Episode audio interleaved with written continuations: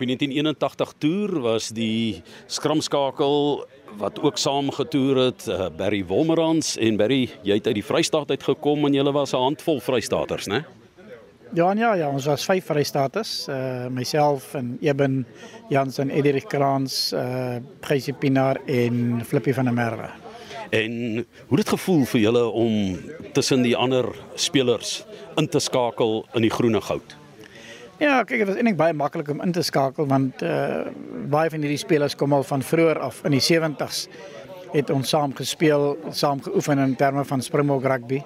Baie te mekaar gespeel in terme van uh Currie Cup waar ons uh, daai stadium nog baie funksies in goed saamgehou het. So ons het baie vriende gemaak in elk geval met uh, met die wedstryde en ook met die Springbok wedstryde.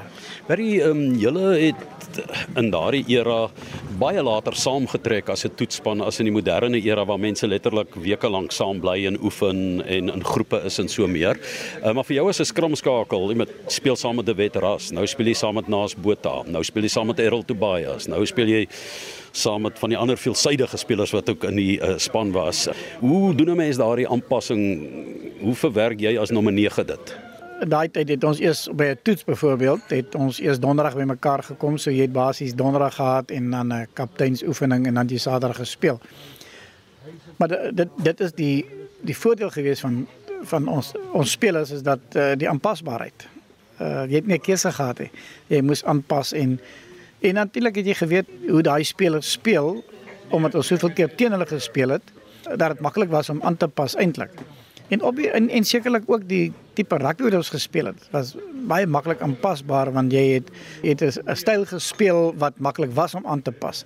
Want jy het geweet die voorspeler vinnig kry die bal laat loop en en jy moet net jou skakelpaar vind die Nieu-Seelandse velde aansienlik anders as 'n uh, doodgerypte harde Vrystaat veld daardie tyd toe jy gele gespeel het. So hoe vinnig moes jy aanpas en en hoe het jy aangepas?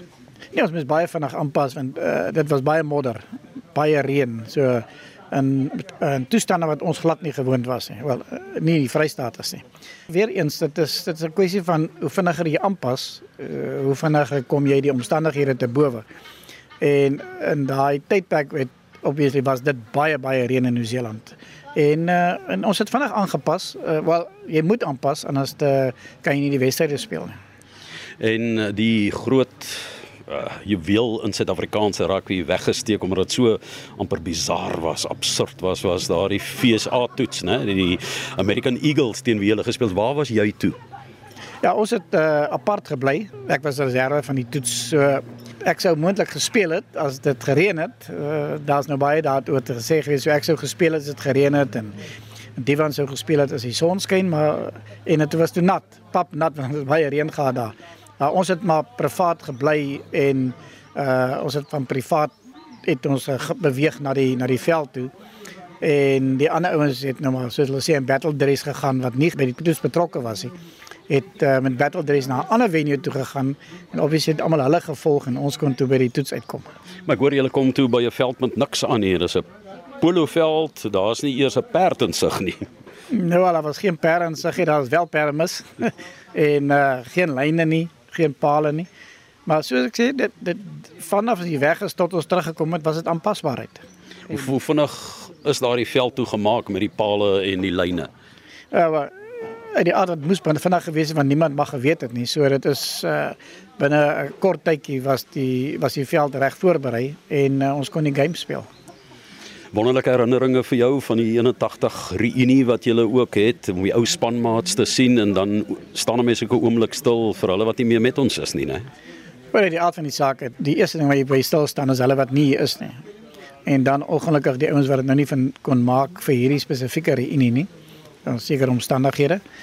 Maar die nostalgie en die kameraadskap rondom dit uh eh, 10 jaar laas nou weer dit is net iets unieks en hoe vinnig jy weer die bande optel is net wonderlik.